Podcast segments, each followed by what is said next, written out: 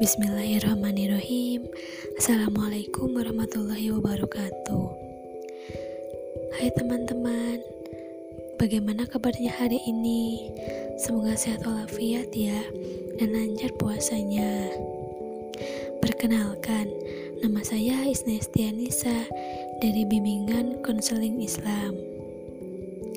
Di sini saya akan menjelaskan salah satu ranah profesi bimbingan konseling Islam, yaitu tentang penyuluhan keluarga berencana yang berjudul Membimbing Anak. Nah, bagi orang tua yang baru mempunyai seorang anak, membimbing anak merupakan hal yang baru. Tetapi biasanya dengan sendirinya dapat dijalankan berdasarkan pengalaman mereka sendiri sewaktu kecil.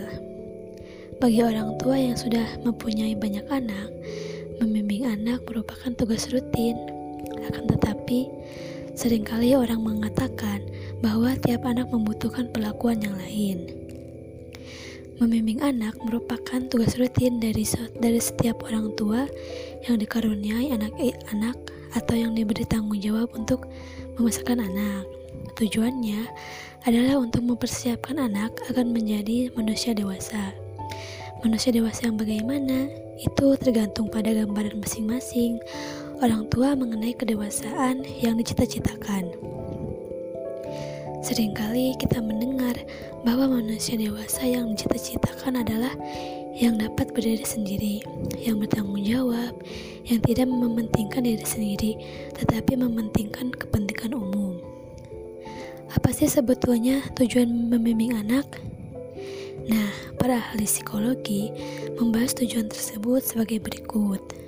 Nah, pada abad 19, orang menemukan gejala-gejala penyakit tertentu pada orang dewasa akibat kekurangan gizi pada masa kanak-kanak. Di samping itu, ditemukan juga gejala-gejala kelainan tingkah laku tertentu akibat kurangnya ditanamkan disiplin pada pada masa kanak-kanak. Karena itu, para ahli berpendapat bahwa masa kanak-kanak perlu diatur sedemikian rupa sehingga dapat mencegah hal-hal yang tidak diinginkan pada masa dewasanya nanti.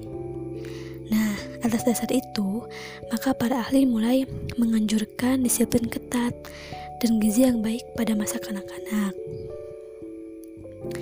Nah, di, di, di sini pula orang tua juga mulai diberi penerangan tentang cara-cara membimbing anak, akan tetapi, cara-cara yang diberikan menyebabkan para orang tua menjadi kurang spontan. Sebab demikian banyak demikian banyaknya aturan. Yang paling utama ialah bahwa tugas membimbing anak akhirnya menjadi kurang menyenangkan karena kekhawatiran orang tua akan masa depan anaknya.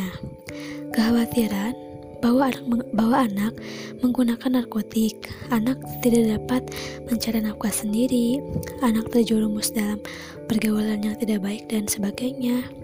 Kekhawatiran dan sikap kurang spontan tersebut menyatakan orang tua bersikap selalu dibuat-buat.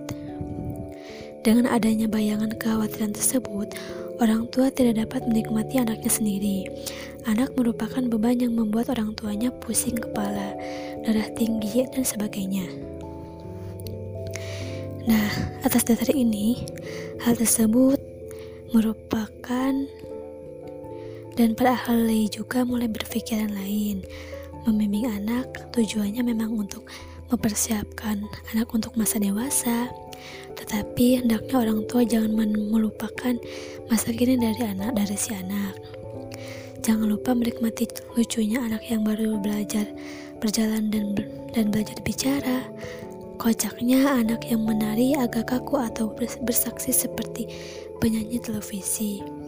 Manjanya anak yang bangun tidur, semua itu dapat dinikmati. Kadang-kadang, secara spontan, orang tua mencium anak, mencium anaknya karena gemas. Kadang-kadang tertawa lepas karena lucunya atau kadang-kadang membelai dan mendekap karena kasih sayang. Kalau kita mempunyai anak yang masih kecil, misalnya baru sumur, baru berumur setahun, jangan hanya dibayangi dibayangi rencana-rencana untuk mengatur latihan-latihan kebersihan, mengajar bicara sebaik-baiknya, tetapi juga perlu menikmati betapa lucunya si anak. Orang tua haruslah ingat bahwa masa-masa yang lucu itu hanya terjadi sekali dan tidak akan kembali lagi. Pada saat ini, para ahli berpendapat bahwa membimbing anak merupakan suatu seni dari ke, dari keserasian antara mempersiapkan anak untuk untuk masa depannya serta menikmati anak di masa kini. Orang tua hendaknya tidak terlalu menitik beratkan hanya pada persiapan masa dewasa, tetapi juga menikmati masa kini si anak.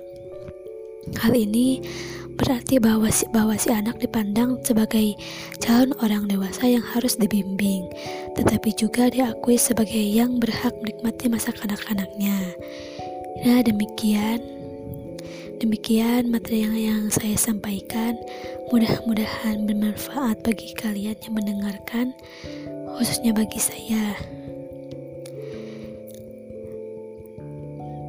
ya hanya ya itu yang dapat saya sampaikan saya tutup dengan doa Rabbana atina fid dunya hasanah wa fil akhirati hasanah wa qina azabannar.